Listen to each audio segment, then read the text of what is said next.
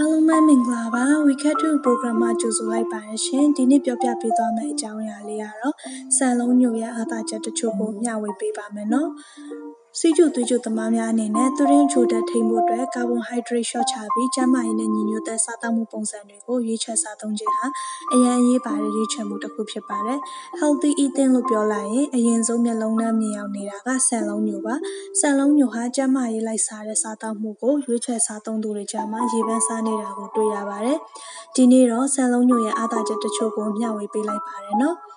ဆန်လုံးညိုဟာအပြင်အခွန်မှာကိုသာချွတ်ထားတဲ့အတွက်ဆန်ဖြူထက်အာဟာရဓာတ်ပိုပြီးပါဝင်တာတွေ့ရပါတယ်။ဆန်လုံးညိုရဲ့အားသာချက်တွေကတော့ဗီတာမင်သတ္တုဓာတ်နဲ့အန်တီအောက်ဆီဒန့်ပိုပြီးပါဝင်ခြင်း၊မက်ဂနီဆီယမ်ဓာတ်ပိုပြီးပါဝင်တာကြောင့်နှလုံးကျန်းမာရေးအတွက်အထောက်အကူပြုခြင်း၊သဘာဝအားဖြင့် gluten free ဖြစ်တဲ့အတွက်ကျန်းမာရေးနဲ့ပိုပြီးသင့်တော်ခြင်း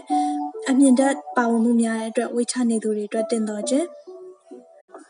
glycemic index နည်းပြီးအစာကြေပြတ်မှုနှုန်းနှေးတဲ့အတွက်သွေးရင်းချိုတက်တဟုန်ထုံထိုးမြင့်မှုကိုကာကွယ်ပေးခြင်းနဲ့အခြားကျန်းမာရေးအားနည်းတင်နေရှိပါတယ်။ဆယ်လုံးညုတ်တစ်ခွက်မှာပါဝင်နေတာကတော့ကယ်လိုရီက